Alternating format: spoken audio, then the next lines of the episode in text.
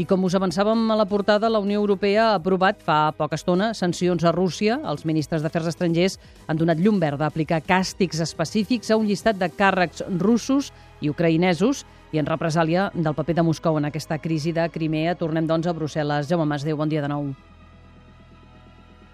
Europa havia amenaçat i Europa ha sancionat en total 21 responsables polítics i militars, dels quals fons europeus ens indiquen que n'hi ha 13 de russos i 8 de Crimea. La sanció és l'esperada, prohibir l'entrada a territori europeu i congelació dels béns que tinguin. El ministre espanyol García Margallo ha apuntat que s'anava cap a sancionar els responsables de l'organització d'un referèndum il·legal. Apuntar a aquellas personas, insisto, que mayor protagonismo, mayor participación hayan tenido en la organización de un referéndum claramente inconstitucional y por tanto claramente ilegal.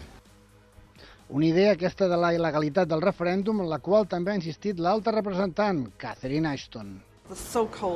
L'anomenat referèndum no cal que el recordi que és il·legal respecte a la Constitució d'Ucraïna i la llei internacional. Ara falta conèixer les identitats dels 21 responsables sancionats. Probablement ho sabrem a les pròximes hores. Gràcies, Jaume.